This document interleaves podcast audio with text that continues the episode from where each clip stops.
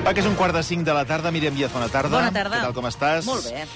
Arrenquem amb la notícia del dia, la decisió de la justícia europea de retirar la immunitat a Carles Puigdemont i Toni Comín. Per això avui ens acompanya, a banda de la Míriam, el Josep Maria Martí, que és periodista i excronista parlamentari. Josep Maria, bona tarda. Bona tarda. I també és un plaer saludar el Jordi Nieva, catedràtic de Dret Processal de la Universitat de Barcelona. Bona tarda. Hola, bona tarda. Com està, Jordi? Molt bé. Els compareixents han dit que més o menys s'ho esperaven. La pregunta és, tu t'ho esperaves? Sí, home, jo és que fa temps que no veia una altra possibilitat perquè aquí hi ha una cosa que està molt clara. Uh, els parlaments són sobirans per prendre les seves decisions i aquestes decisions no només consisteixen en aprovar lleis, aprovar normativa que, per, pel que sigui competents, sinó també doncs, concedir autoritzacions per poder judiciar una persona, com és el cas.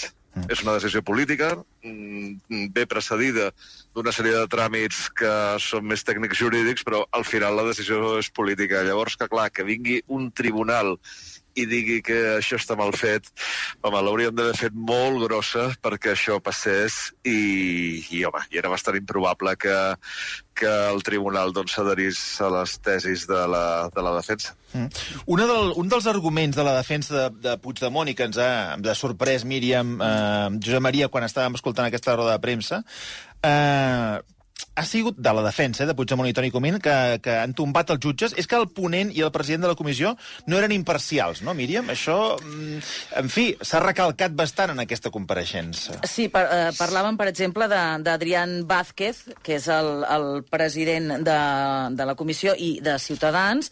Els jutges el que els hi han respost en aquesta sentència és que tots els eurodiputats tenen una ideologia, però això no vol dir que actuïn amb parcialitat. Avui, per cert, Vázquez ha passat pel món a rac i a més de dir que farà el que sigui perquè Puigdemont i Comín perdin tots els drets com a eurodiputats, els ha definit així. Hemos pasado ya cuatro años por esto. Les hemos dejado hacer el payaso. Les hemos dejado intoxicar. Tienen aquí el acta, donde no han hecho ningún tipo de trabajo legislativo, porque son tres parias que están sin grupo político. Hemos hecho todo con la ley. Les hemos dado hasta más tiempo para preparar sus suplicatorios. Y ahora estamos aquí haciendo cábalas de si van a volver a presentarse, esos tres señores. Lo que tiene que hacer el Parlamento es eliminarles las prebendas Uh, Puigdemont, uh, òbviament, uh, doncs li ha contestat i ha fet servir aquestes declaracions per dir precisament que no entén com el Tribunal General de la Unió Europea no hi veu falta d'imparcialitat amb, amb declaracions com aquestes. Quina broma és aquesta? De debò, quina broma és aquesta? Que un senyor que presideix una comissió que ens qualifica de pallassos i de pàries, se suposa que aquest senyor, segons la sentència, ens ofereix totes les garanties dels nostres drets. De debò que la Unió Europea ha de permetre aquesta broma? Nosaltres lluitarem perquè aquesta no és la Unió Europea que volem. Una persona que, que, que descriu doncs, eh, la causa de Carles Puigdemont i Toni Comín amb, amb aquestes paraules i amb aquesta contundència i amb un evident viatge eh, polític, eh, Jordi, eh, ha de tenir dret i vot en aquest tipus de, de sentències? Aviam, en aquest cas la defensa ha utilitzat molt aquest argument, eh, que jo no l'hauria fet servir tant, perquè, aviam, això és molt llampant. Sí. Perquè, òbviament, aquest senyor doncs, està fent unes declaracions que són absolutament impròpies, són imprudents, sobretot pel, pel, pel càrrec que, que ha ocupat, evidentment, però no hem d'oblidar que aquest senyor és un polític i té la seva ideologia, i la continuarà tenint facin aquesta, faci aquestes declaracions o no. Llavors, el que creu la jurisprudència, el que accepta la jurisprudència, és que aquestes persones només deixen de ser imparcials, no quan manifesten aquest viatge polític, sinó quan tenen algun conflicte d'interessos materials, no ideològics, eh? és a dir, que tinguin, doncs, no sé, un negoci incompatible no? amb, amb allò que estan decidint. No? Per tant, eh, i a més a més hi ha una altra cosa que, que tothom entendrà, que és que per molt que aquests dos no siguin imparcials, això no influencia la decisió del ple del Parlament Europeu. Aquí és cada diputat amb el seu vot. I qui ha decidit això no ha estat aquesta comissió preparatòria, ha estat el ple del Parlament Europeu que ha pres doncs, aquesta decisió que també és política. Per tant, jo en aquest cas jo, el que calia no era uh, insistir tant amb aquest membre de la comissió, amb l'altre que ha dit això, que és d'aquest partit, que no sé què, perquè això estava condemnat al fracàs, sinó que el que calia evidenciar, i era difícil, eh? i era molt difícil, és que hi havia un ànim de persecució per mm. part de la justícia espanyola, de persecució política, s'entén, perquè justament això és l'única cosa que pot analitzar el Tribunal General de la Unió Europea. No? El que passa és que, esclar, eh, això doncs, no és fàcil de defensar després de que fa quatre dies el Tribunal de Justícia de la Unió Europea doncs li, van plantejar, li van plantejar aquesta mateixa pregunta i no va dir res al respecte. Vull dir, tampoc va dir que no, eh? Vull dir, però no va dir en absolut res al respecte i no va donar cap motiu per fer sospitar amb les dades que tenia de la justícia espanyola. No?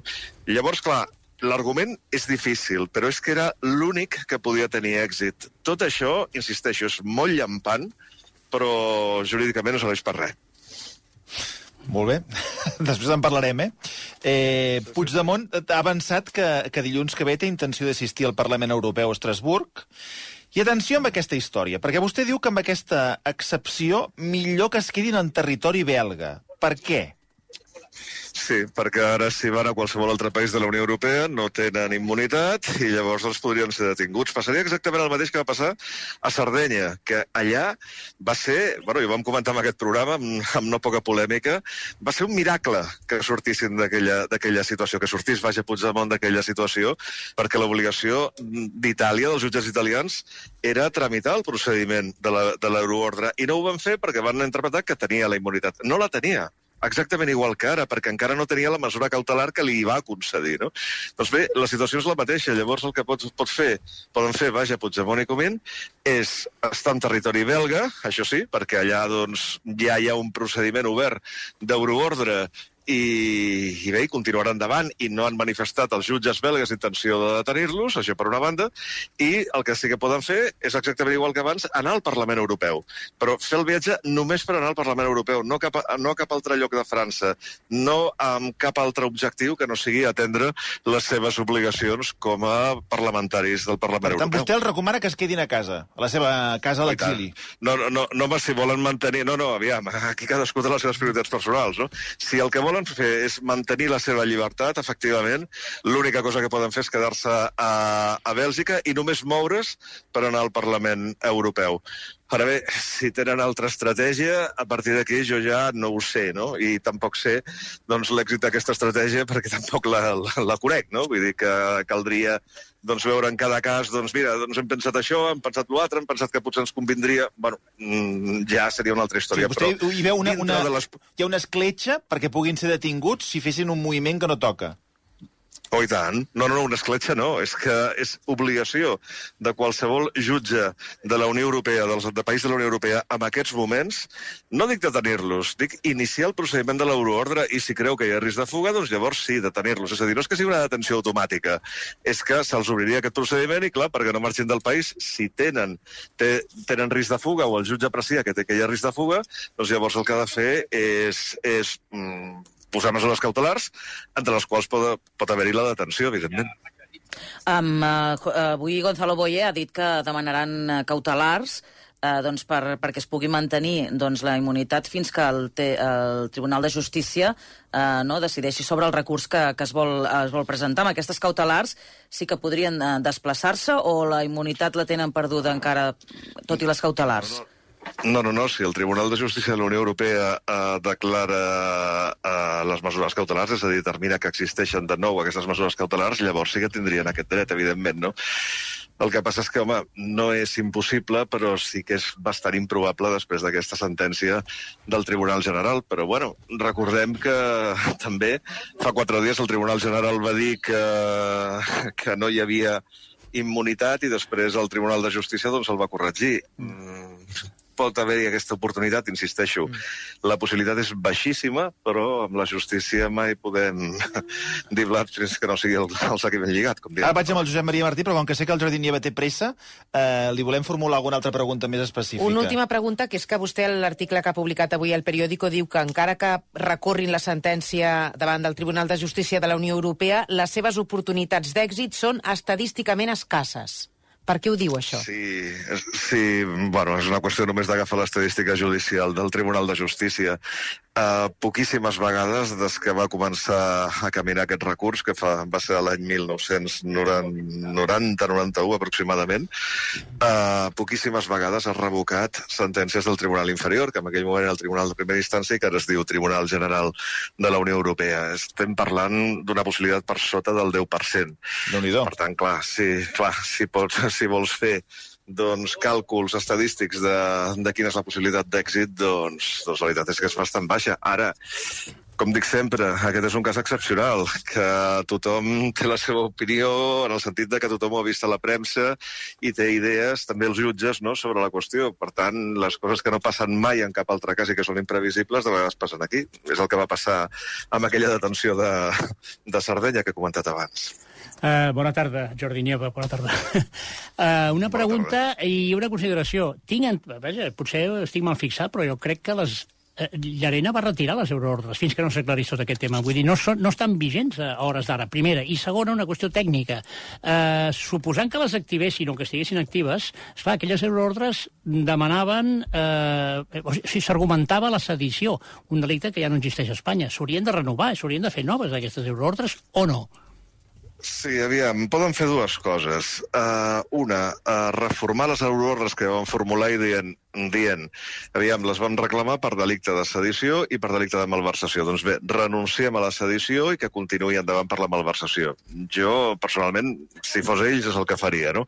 Ara, ells és probable doncs, que, que diguin, no, no, no, una nova euroordre perquè el delicte de sedició no existeix, a més a més el de malversació l'hem canviat, s'ha reformat, per tant, tornem una altra vegada a fer una euroordre. Jo crec que és burocràticament innecessari, però tantes coses ha, fe, ha fet el Tribunal Suprem que no estava d'acord que aquesta només seria una més. No? Jo crec que seria bàsicament perdre el temps, però, però és possible que tirin per aquí, evidentment. Bueno, moltes, avui s'ha insistit en un argument que és que els drets dels polítics europeus estan menys protegits després de la sentència d'avui. Eh, ho ha dit eh, Puigdemont, crec que també ho ha dit Clara Ponsatí, i, evidentment, el senyor Boye. Què en penses? Home, és normal que qui s'està defensant en un cas com aquest, doncs, efectivament, digui, digui aquestes paraules, no? El que passa és que home, a mi em preocupa més doncs, altres, altres coses, no? com que s'hagi pogut celebrar un procés per rebel·lió i sedició pels fets que van passar el 2017, que van ser només posar urnes no? i fer una sèrie de mobilitzacions. Tothom ha vist fa quatre dies el que sí que és una rebel·lió, que és allò que va fer el grup Wagner l'altre dia, amb els tancs mm. i tot això, no? Sí, sí. Clar, que, que, això, que això hagi coejat durant tant de temps amb aquesta qualificació que només ha desaparegut quan s'ha reformat el Codi Penal i, eh, i el Tribunal Suprem ha decidit doncs, no continuar per aquest camí, a mi és això el que em preocupa. Sobretot que hi hagi hagut tantíssims juristes dintre d'Espanya, fora d'Espanya la veritat és que no, eh? però dintre d'Espanya, que hi hagi hagut tantíssims juristes que hagin donat suport amb aquesta, amb aquesta idea que per mi és un disbarat. Això és el que jo crec que veritablement és preocupant. No? El que ha passat avui al Parlament Europeu, doncs, perdó, al Tribunal General de la Unió Europea, és només la decisió d'un tribunal que, sincerament, és que no tenia més, gaire més marge. Eh? És a dir, és que, és que estem parlant de la decisió d'un Parlament qüestionada per un tribunal. Hi ha divisió de poders. És que no tenia molt més marge per fer, per fer el, el que ha fet, no? A partir d'aquí, doncs, clar, si els involucrats s'havien fet més il·lusions del compte, com em sembla que ha dit la Ponsatí, doncs ja, ja no ho sé ja no ho sé. Jo, personalment, no me les hauria fet i, de fet, és que no tenia cap mena d'esperança de, que això, de que això pogués prosperar. I l'última, de veritat, com, com creus que acabarà això? Uh, jo crec que en aquest cas, el cas aquest del, del, del, del, bueno, o sigui, del, de l'autorització aquesta, és a dir, del Parlament Europeu, és possible que acabi en via morta, perquè dintre de quatre dies hi ha eleccions. A partir d'aquí, entre que presentin el recurs, es retardi el tribunal en resoldre tot plegat, és possible que quan arribi la decisió doncs, ja no siguin diputats o bé doncs, s'hagin tornat a presentar i llavors el Parlament Europeu digui que no els reconeix perquè no han presentat l'acte mm, a Espanya, és a dir, el contrari del que va dir l'altra vegada, i a partir d'aquí doncs, entrem en una altra, en una altra derivada. No? El que passa és que, clar, lògicament tot això doncs, li posa més fàcil, per dir-ho d'alguna forma, no, no gaire més fàcil, eh, però sí una mica més fàcil a la justícia belga, perquè procedeixi l'entrega. Ara, és un detall només, eh? Jo crec que la justícia belga té altres arguments de bastant més pes per poder denegar les euroordres, si ho desitja, si ho desitja. Jo crec que la batalla principal que tenen ara Puigdemont i Comín, sobretot, és efectivament amb la justícia belga, més que no pas amb la justícia europea. Jordi, moltíssimes gràcies per acompanyar-nos. Un plaer, com sempre. Gràcies a vosaltres i perdoneu que estic a, No, no. a punt d'agafar el tren. Disculpa que no som nosaltres els que ens hem allargat. Bona tarda, gràcies per atendre'ns. No hi ha problema. Bona tarda. Adéu, Jordi, catedràtic de Dret Processal de la Universitat de Barcelona. Ara posem una miqueta en context tot això, perquè el Josep Maria Martí feia estona que tenia la maca engranada d'aixecar-la i demanar-nos la paraula, però abans, Míriam, eh, hem de passar un moment per Sabadell, perquè sí? Sí. crec que hi ha una última hora, i no és perquè jo sigui de Sabadell, eh, sinó perquè eh, és una notícia important en aquests moments. Sí, bàsicament que hi ha actiu un incendi amb una nau industrial eh, doncs a la fàbrica de, de Can Roqueta, precisament és aquesta zona de, de Sabadell. És una fàbrica on es- s'està cremant paper i roba a l'exterior eh, de, la, de la nau. Hi ha 18 dotacions dels bombers eh, treballant-hi. Eh, el tema és que hi ha una, una columna de fum negre doncs, visible bàsicament des de, des de tot el, el Vallès Occidental. Mm, La bona notícia, cap persona ferida, el foc no està encara confinat, però sí que s'ha evitat que es propagués cap a la indústria eh, del darrere, que això era important. El que sí és que els bombers han recomanat el confinament de les persones vulnerables de la zona de Sabadell Centre i Sabadell Nord eh, per aquesta fumarada, si noten molèsties, doncs que, que tanquin eh, portes i finestres, i el Protecció Civil ha posat en prealerta el, pra, el pla Procicat. Doncs, evidentment, qualsevol notícia i qualsevol novetat sobre aquesta qüestió us la farem saber. Carles Puigdemont ha anunciat que continuarà lluitant fins al final als tribunals per no ser extradit a l'estat espanyol després de reconèixer, això sí, que no era el que volien. no era el que nosaltres estàvem eh, esperant, però tampoc no es pot dir que no estiguéssim preparats per aquest escenari.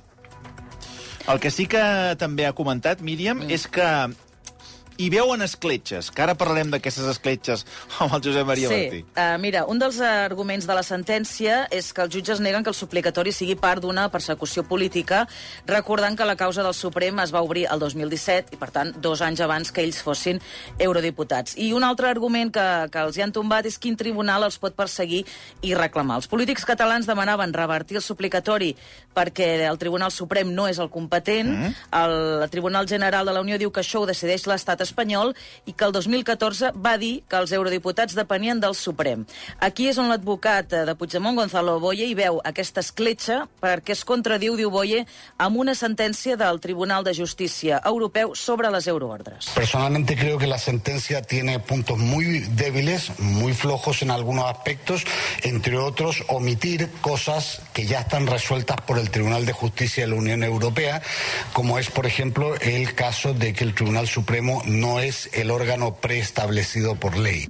Ara presentaran aquest recurs de cassació que tenen dos, eh, dos mesos i mentrestant el Suprem doncs, eh, està analitzant de reull aquesta decisió. Eh, de moment eh, no ha rebut la sentència encara del tribunal, però tan bon punt arribi, Llarena començarà a llegir lletra petita per decidir quin moviment fa. Fons del Suprem han explicat a rac que no es prendrà cap decisió precipitada, però no especifiquen cap termini. Per tant, pot ser cosa de dies o fins i tot eh, hores. Mm. Aquí, eh, Josep Maria Martí, eh, mirant atentament la roda de premsa, he vist un Carles Puigdemont, no sé si dir resignat, també preparat per aquesta nova batalla que s'obre. Eh, Toni Comín també seguint una miqueta l'estela del president Puig- Puigdemont, Clara Ponsatí reclamant un estat propi perquè aquestes coses no passin i dient que si, si es continua amb aquesta estratègia no s'anirà enlloc, i Gonzalo Boye, com dèiem amb la Míriam, ha parlat d'escletxes. Però tu com ho veus, això? Mm. Quines escletxes queden? Eh, complicat. Home, la, més que escletxa, hi ha un, eh, un objectiu comú, que és, ara al final, el professor Nieva al final n'ha parlat, és, és claríssim, arribar al final de la legislatura del Parlament Europeu. L'últim ple del Parlament Europeu és a principis del mes d'abril de, de l'any vinent. O sigui, queden nou mesos. Nou mesos dels quals, si li restes a l'agost i li restes a la Setmana Santa... O sigui, això, passa molt, això, mm. això passarà molt de pressa. I, I això és un tema que li interessa molt, continuar aquesta lluita. No, i tenen, i tenen absolutament tot, tot el dret a, a, a mantenir aquesta, aquesta, aquesta lluita i tal, però li interessa molt a Carles Puigdemont i a l'independentisme tenir aquesta plataforma internacional que durant quatre anys han tingut i que conservar-la fins d'aquí nou mesos i acabar la legislatura sencera, és una plataforma, escolta, han passat moltes coses en l'àmbit europeu després de l'any 2017. Ha passat una pandèmia importantíssima que- que no hi havia pràcticament precedents, ara hi ha una guerra d'Ucraïna. Escolta, el tema independentista, mm, hi ha hagut moments que estava en primera fila, però ha anat baixant. Si Carles Puigdemont, eh, Toni Comín, Clara Ponsatí estan en l'Europarlament, fan rodes de premsa, són actius... Home, això és mantenir el, el, el que li més els interessa i en l'Europarlament i a la majoria de grups parlamentaris no els directament implicats perquè són del Partit Popular o del PSOE o de Ciutadans i estan allà integrats a grups i aquests tenen uns interessos més concrets i més determinats. Mm, A tothom li va bé que s'acabi eh, tot amb la... perquè, clar, quan s'acaba la legislatura allà ja s'ha acabat la immunitat per tothom i s'ha acabat tot. Per tant, això jo crec que seria al final que està desitjant, en el fons, ho expressaran o no, ho està desitjant eh, tothom. Eh, què passarà a partir de llavors? Eh, ja en parlarem. Suposo que això més o menys coincidirà, pels timings que sol haver-hi en la justícia euro- europea, eh, amb la, la decisió en el recurs que ara faran eh, Carles Puigdemont i Toni Comín i Clara Ponsatí en el Tribunal de Justícia de la Unió Europea, el de Luxemburg, per entendre'ns. Un és el d'Estrasburg i l'altre és el Sí. de Luxemburg. En el de Luxemburg, aquell sí que és la instància superior i que podria corregir aquesta decisió d'avui, però és molt difícil, ho ha dit el doctor Nieva, i és que és veritat, és, és que és, és molt complicat. Però si s'arriben aquests nou mesos i de, acaba la legislatura, jo crec que l'objectiu ja s'haurà mm, aconseguit eh, de moltes maneres. Per part dels encausats, faran recurs, demanaran mesures cautelars. El, el professor Nieva ha començat d'una manera que jo m'he quedat parat. Sí, sí, sí, sí, ha sigut, eh, contundent, Clar, però sí, sí. després, clar, les euroordres Llarena no les té vigents, perquè com que es veia que la justícia escocesa, la italiana, la francesa, la belga, to totes les justícies que ha anat, l'alemanya, que va ser la primera, pam, li, han- li, han, li han fotut una plantofada i han dit que això no estava bé, doncs aleshores ara les, les va retirar a l'espera, precisament, de què passava avui. Uh, ara ja sap el que ha passat avui. Uh, uh, què ha de fer ara? Una de dos, bueno, ja se n'ha parlat, activar-les, o bé, però si les activa, clar, ha de fer una modificació. O, si no, abans d'activar-les, redactar-les noves. Els temps de la justícia ja sabem com van són lents. Després això eh, té uns tràmits.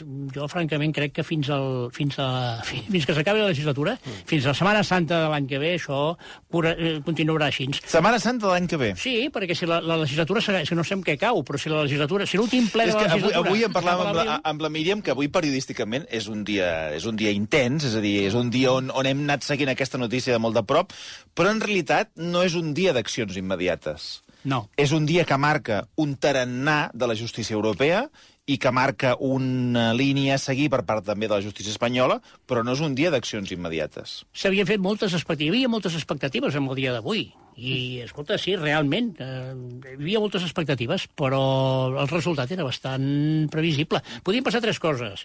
Sí- no, o sigui, s'admet el recurs, no s'admet el recurs, o sigui, ja està vigent l'euroordre, no està vigent, tenen immunitat, no tenen immunitat, i la tercera, la via del mig, que es deia que era la més improbable, i ja no s'ha ni contemplat, és que, bé, que quedés allò amb un llim, diguent, mira, allò, pilo, pilota a seguir, com diuen en el rugby, i, bueno, ja, ja, ja, arribarà, ja arribarà al final de la legislatura, que arriba aviat. Uh, ha passat el que ha passat, era bastant previsible. A mi m'ha sorprès la, la, la, la, lo, lo, lo sec i taxatiu i d'això que ha estat quan, han, quan ha anunciat la, la, la sentència, és que ha dit els, els noms i sí, s'ha acabat, pam. Uh, a diferència d'altres d'altres- d'altres resolucions, no? Però abans en parlàvem amb el Nieva, Míriam, eh, que almenys a nosaltres el que ens ha creat l'atenció eh, és aquest aquest evident viatge polític d'Adrián Vázquez, no? Abans estàvem escoltant la, el document. Però Clar, això, jo, jo, això to- es, pot, es pot tolerar? o- Clar, jo torno a fer la mateixa pregunta Un que, que he fet amb, amb el, el Jordi Nieva. És a dir, una persona que públicament eh, bueno, explica les seves uh, opinions polítiques i deixa clar que té una animadversió, per dir-ho per dir de manera suau, Sí, sí, sí. cap a les persones, diguem-ne, que, que té sota el seu poder, eh, mm, no ho sé, quina imparcialitat eh, té. Ell el que ha dit és que, que el tenir ideologia no, no és incompatible amb fer la teva feina amb, amb imparcialitat. Què en penses? Això no és de- veritat. Què, què en El penses d'això? Això no és Sí. veritat. Diu que tots els eurodiputats tenen una ideologia. És a dir, Eh? posem una miqueta en context. Adrià Vázquez, qui és? Adrià Vázquez és eurodiputat de Ciutadans i és, se'l va escollir com a president de la, de la comissió eh, doncs que, que va, Jurídica, que va, jurídica sí. que va analitzar doncs, el, cas de, el cas de Puigdemont. Que és el que no s'hauria d'haver escollit. Ara, Mira, I el ponent, no? el ponent que va dir Sí. sí. que sí que s'havia de treure no? la, la immunitat a Puigdemont és de Vox. I que, avui ha parla, I que avui ha parlat eh, a Monarracú, eh, Adrià Vázquez, i ha deixat clar, ho hem escoltat abans, que, en fi, no són de la seva mateixa corda política. No, però, però és que, eh, a veure, eh, jo crec que les seves pròpies paraules... Al fi, ha, ha, O sigui, a mi em pot jutjar algú amb un rerefons polític quan Que damunt de la taula... que té tirria. Exacte. Ah. Si ho volem explicar-ho així Sí. i que s'entengui, Ah. d'acord, li accepto. Et pot jutjar o et pot condicionar Home. algú la teva llibertat una persona que públicament t'està dient que té tírria? Home, Home, eh, les seves Perquè què, paraules... què, els, què els hi ha dit? Pallassos o... Pàries Pàries, i pallassos. Pàries i pallassos. I, gan- I ganduls indirectament, I ganduls, perquè ha dit que no- no, no, que no no i res. tot estratègicament, no és una patinada dir públicament Eh, això? eh, ell ha fet una tonterieta, que cosa que aquí a Espanya sí que estem més acostumats, però, esclar, eh, a altres, a altres fòrums això ha d'haver cridat l'atenció. Eh, ha dit, no, no, ara ja he acabat de parlar com a president d'aquesta comissió jurídica Sí. i ara sí que em poso el Aquí ha barret passat jurídic. moltes vegades, gent que es posa el barret Home, de... el- el de- polític, el de- polític, D'alcalde, llavors és- després el treu i Exacte, parla com a polític i com a I allà, militant. pa, pa, pa, m'ha Sí. començat a, a, a, a insultar. Mm, sincerament, eh, no li donaria més importància perquè ja dic, les pròpies paraules el desqualifiquen, està en un partit amb, amb, amb descomposició. Amb aquest, aquest senyor també li queden nou mesos de ser mm. eurodiputat perquè difícilment tornarà a treure la plaça, però que realment eh, contrasta molt, o que a mi m'ha quedat molt l'atenció, que sigui precisament el president d'una comissió jurídica. Si veus, a tots els parlaments del món, eh, les comissions mm, jurídiques, constitucionals, a vegades pot haver-hi baralles, però n'hi ha molt més amb les, altres amb les altres comissions. Aquí són gent, allò, senyor Marcelí, gent d'ordre, no? Gent, gent assenyada, normalment. I aquí, és clar, aquesta persona que semblava el, el, bomber piròman, no? l'incendiari, a mi m'ha cridat molt, molt l'atenció. però Ja qui el va posar amb aquest senyor? Bueno, va escollir el Parlament. És que aquí hi ha hagut eh, molts jocs... eh, Els Aquí el que no entén la gent és que siguis del partit que siguis, Exacte. et pugui jutjar una persona amb un biaix eh, polític contrari al que tens I a més a més tu. del país en el qual et vols Sí. independitzar. Exacte, sí, això és un, és un petit detall, que, que, també. també és un detall, és un petit detall, també. Els- els Independentment de, de, de... Clar, perquè aquí... Perquè si dius, bueno, fos un senyor que fos... Toca més de prop, diguéssim, Exacte, no? que, que, que, que, que fos de Polònia. Però aquí la sentència d'avui, si no ho he entès malament, és que diu que eh, la ideologia política d'aquest senyor no intervé Va, en el home, fons va. del cas, no? Va, home, va. Això és el que s'ha dit avui. Va, va. Un, mo- un, mo- un moment, un moment. Qui s'ho creix, això? Els, els grups parlamentaris europeus mm. no corresponen al 100% amb els, als grups parlamentaris que pot haver-hi aquí al Congrés Conforme. dels Diputats, però bastant sí. El grup principal és el Partit Popular Europeu, Conforme. en el qual, evidentment, hi forma part eh, el Partit Popular espanyol. Llavors, en els altres... eh, Espanya és eh, un dels països que té més eh, po- població i, per tant, té més eurodiputats. Mm. És un país que té pes específic. I amb la retirada d'Anglaterra, amb el Brexit, encara, encara mm. més. Llavors, a la, a llavors, hem de veure també a Europa, en aquests moments, les eleccions generals del, de, de, de, de fa uns quants anys fins aquí, va començar amb, amb, amb Hongria, va continuar amb Polònia, i ara ja a molts països veiem que hi ha un claríssim viatge mm -hmm. cap a eh, parlaments amb, eh, a la dreta o alguns extrema dreta.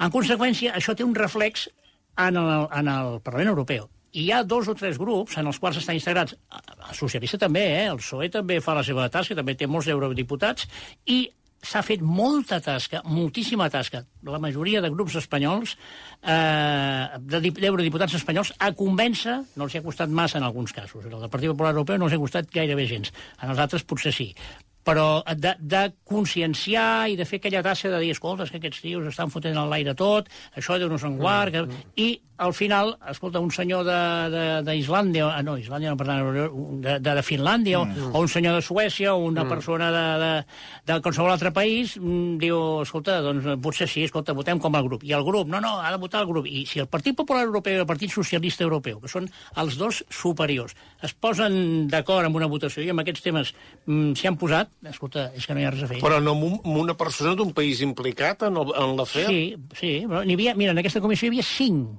espanyols, i en la comissió em sembla que eren 12, o sigui, cinc espanyols. Bueno, sí, però si ho decideixen els grups parlamentaris, ja han fet Per tant, una, una- tasca, una maniobra interna Una que ha durat camàndola, mesos. una que- camàndola més. Bueno, eh, mira, Sí, està sí. muntat així. Sí, sí. Muntat... Bueno, eh, Carles Puigdemont avisa que el partit no ha acabat i que confia recuperar la immunitat. Diu que els drets fonamentals dels eurodiputats independentistes s'han de defensar fins al final. I és evident que esperarem una sentència, una resolució favorable. Per què? Creiem estar carregats de raons. Perquè la sentència obre algunes escletxes i dona algunes anses on poder construir bé un relat d'apel·lació. I tercer, sobretot, tercer, estem parlant de drets fonamentals. Estem parlant de democràcia europea. I parlàvem de l'exconsellera Clara Ponsatí, que ha remarcat que la persecució judicial de l'independentisme no s'acabarà fins que no siguem lliures. I no hi ha cap acord amb cap partit polític espanyol que cap partit polític espanyol pugui acceptar que no sigui, en el fons, una rendició. Prou ficcions. Treballem per alliberar el país i amb el país alliberarem els represaliats. Quin impacte tindrà tot això en les eleccions que ens venen al damunt? Aquesta sentència pot revifar el vot independentista? Com ho veus?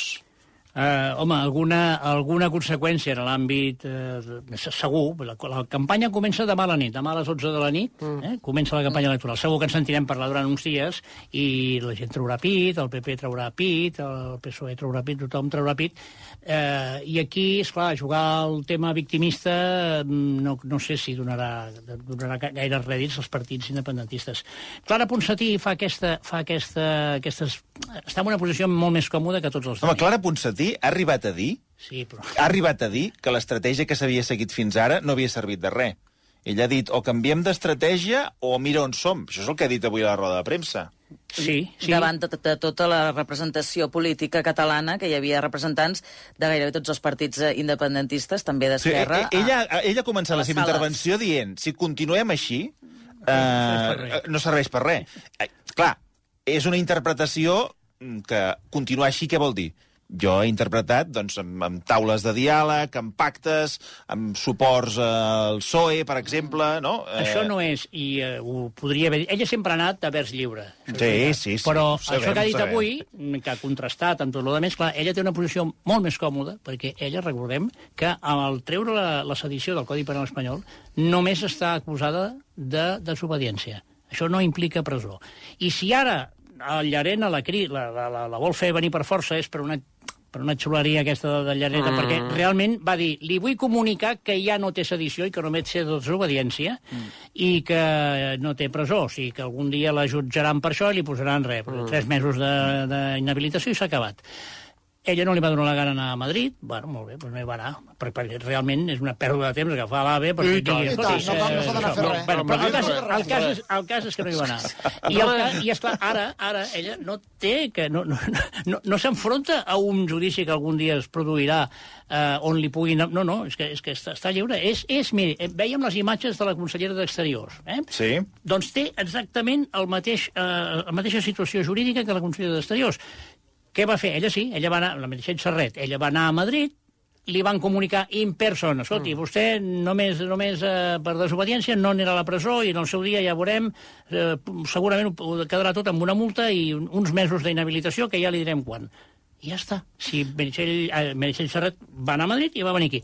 La, la líder de la, de la CUP, eh, que estava a Suïssa, va fer Sí. exactament el mateix. Ara, Clara Ponsatí no ha volgut anar a Madrid. Bé, és la seva decisió. Escoltem-la, perquè jo crec que és un, és un document que ha passat totalment desapercebut, perquè sí que és cert que és una sortida diferent o una valoració diferent als que han fet Toni Comín i, i Carles Puigdemont, però que a mi m'ha sorprès bastant.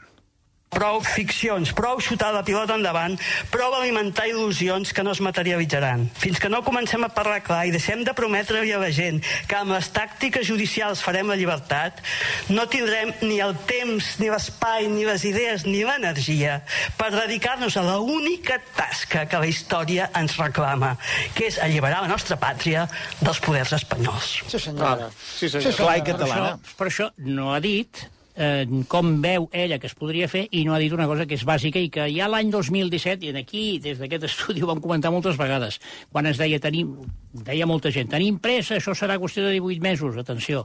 Això, que té raó, eh, els problemes continuaran, la persecució judicial continuarà, i si ves un estat independent, no és, no, això no es produiria, Claro. però això no és ni fàcil ni ràpid. Ni fàcil ni ràpid. I el, crec que el, jo crec que això és una opinió personal, crec que el 2000, i l'he expressat altres vegades, el 2017 es va voler anar molt de pressa i, i, i va passar el que va passar.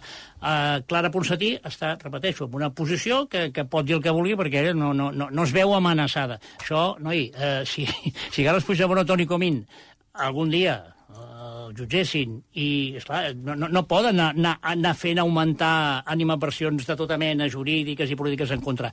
Clara Ponsatí pot anar de vers lliure, però esclar, això és difícil i s'ha de dir que és molt difícil d'elaborar, de, de, de tirar endavant i que no és fàcil. Ai, ai, no és fàcil i no és ràpid mai és ràpid. Hi ha una pota que ens queda per tractar. Hem parlat de, de, de què pensen, diguem, els encausa, de, encausats, però del, dels moviments de Llarena no n'hem parlat. Eh, no, deu tenir punt. Bueno, no, no ho sé què té a punt, Sí, Maria. té punt. O sigui, que, El punt està la sentència. Punt. És a dir, expliquem-ho bé perquè si no la gent es perd. Sí. Uh, les, les causes inicials han canviat perquè Bueno, ha canviat el Codi Penal. La sedició ja no, és, no, no figura en el Codi Penal. Mm. Atenció, no per una voluntat política de, ning de, de ningú a l'estat espanyol, sinó perquè això van ser els alemanys, quan van detenir a, a Schleswig-Holstein, Sí. a prop d'Hamburg, a Carles Puigdemont, que venia dels països escandinaus i de, de Noruega i, Suècia, i, i el cotxe el van, el van detenir, va estar uns dies allà, i allà el Tribunal Suprem d'aquell estat, de Schleswig-Holstein, que a Madrid li feia molta cunyeta, oh, és un tribunal de pueblo, tal. No, no, és que la justícia a Alemanya, la descentralització de justícia existeix, i cada tribunal, aquí podríem dir el Tribunal de, el Superior de Catalunya, és l'equivalent a un tribunal suprem. I en Codi Penal, històricament, els estudiants de dret ho saben bé, atenció, Itàlia, però especialment Alemanya, històricament, amb dret penal, marquen doctrina. Doncs allà ja van dir, en aquella, en aquella seu, que quan va la resolució, quan varen alliberar Carles Puigdemont, ja van dir que allò no havia sigut una rebel·lió, que no podien concedir la sedició per rebel·lió, perquè això ells no veien que fos una rebel·lió, i que com a màxim van dir són de, potser malversació, van dir, potser malversació, però això, clar, Llarena no li va interessar dir, doncs doneu-me per, per, perquè, esclar, perquè llavors aquí a Espanya només el podia jutjar per el que Schleswig-Holstein havia autoritzat. I, esclar, eh, consideraven que era una pena massa petita, mm. la malversació. Mm. I, però allà els alemanys, i després totes les altres justícies, quan han anat passant temes d'aquests, eh, han marcat aquest camí. Aquí no va haver-hi rebel·lió, i qüestionaven també la sedició. Molt bé, la rebel·lió ha quedat per causes molt gruixudes i en el Codi Penal nou i, en el, i, i, i del Codi Penal agafant la, la doctrina i els corrents dels països de la Unió Europea, eh, el Codi Civil, el Codi Penal espanyol ha eliminat la sedició i sí que posa els desordres. Llavors el que van fer aquí és augmentar el tema de la malversació eh, agreujant per, precisament per Puigdemont, perquè si l'agafaven li poguessin posar o demanar una pena ampla. Doncs, eh, esclar, això ha canviat, i les, i les euroordres, per això li han anat tombant una, una euroordre darrere l'altra a la justícia espanyola, concretament a Pablo Llarena, que ell continuava insistint en el mateix. Finalment va dir, escolta, com que no, o se'n va donar compte que no, no, no, no ens en sortim, les va retirar, ara estan retirades. Mm. Ara estan retirades. I si les vol activar, i no les canvia, no li valen, perquè sedició qualsevol... És a dir, podria, no. podria haver-hi la, la possibilitat de que tot aquest procés tornés a començar de nou? Doncs gairebé. És que... No, no, És a dir, te- tenint en compte, tenint en compte que el, el canvi de Codi Penal pot provocar un altre tipus de, eh, de redacció d'aquestes euroordres Clar, i tot clar. això, és a dir, es pot donar el cas que hi hagi un reset i s'hagi de tornar a començar tot? No, tot no, però el tema de les euroordres sí, perquè, esclar, si tu reclames de determinat país, escolti, aquesta persona que està aquí, vull que vingui, eh, sisplau, me- me'l detenen i me'l porten perquè està... I eh, que, la justícia d'allà on sigui, un país de la Unió Europea, dirà i per què el reclamen? Per sedició? Mm, No, però si- No. si en el seu codi... Ja no hi és. Si en el seu codi La sedició ja no hi és. això. I, a més, ja hi ha jurisprudència europea que diu, no vinculant, però sí eh, argumentària, que diu que, escolti, que és que aquí no va haver-hi ni rebel·lió ni sedició. No, aleshores ha de fer una euro... O, o modificar-la, que és el que ha dit el doctor Nieva. Sí. Jo, jo el que faria d'ells és modificar, però hem vist que no s'ha mostrat, coneguent com coneix el pati, diu, em sembla que no ho faran i perdrem temps i tal. El que dèiem. Que no ho faran, vol dir que no la tenen Sí, feta? no crec, no crec que siguin tan... Fins ara no han demostrat una Ai, gran... ai. Ni, agil... Home, ni agilitat ni, ni, ni una Ai. Gran... Bueno, sí, bueno, Con- Coneixen el percal? molt bé. mm, doncs l'han de fer, l'han d'enviar, s'ha de tramitar, això, això, això són unes setmanes. I, simultàniament, Boyer no s'estarà parat, eh, lògic, ja ho han anunciat per activa i per passiva, farem, presentarem recurs, i, pres i al, al presentar els recurs a la instància superior, lògicament, també demanaran unes mesures cautelars perquè si ve un euroordre quedi cautelarment per no lesionar els seus drets, perquè si els atenen ara i d'aquí 8 mesos o 9 mesos, quan hi hagi el judici al Tribunal Superior de Justícia de la Unió Europea, eh, els absol o els donen la raó, esclar, aquests 9 mesos els haurà lesionat jurídicament. Per tant, lo, el més lògic és que la cosa entre que sí, que no... Començar de zero no, però que sí, que l'euroordre, que tal, que què hi posem, eh, aclariment, i, i si aconsegueix... Bueno, el recurs el presentaran de seguida, el Boye segur que el té preparat ja el recurs, perquè ja s'ho pensaven, eh? Tant Puigdemont com Boye s'ho pensaven que avui aniria que podria anar mm. bàsicament per aquí. En conseqüència, si passava això, eh, demanaran mesures cautelars. Evidentment, els hi poden donar o no, O no. donar. Però fins O ara, no. normalment, sempre que han demanat mesures cautelars o cautelaríssimes, normalment els tribunals europeus els hi han donat. Josep Maria Martí, és un plaer, com sempre, que vinguis a, a descodificar-nos aquestes uh, situacions que de vegades poden ser feixugues. Avui bueno, hem entrat a la llista del que s'anomenen uh, dies històrics, Bueno. no pel que ha passat uh, no pel que ha passat avui, sinó pel que segurament acabarà passant i passarà més endavant. Ens en queden diversos. Ens en queden eh, diversos. Josep Maria, moltíssimes gràcies. Bona tarda. Ara tornem.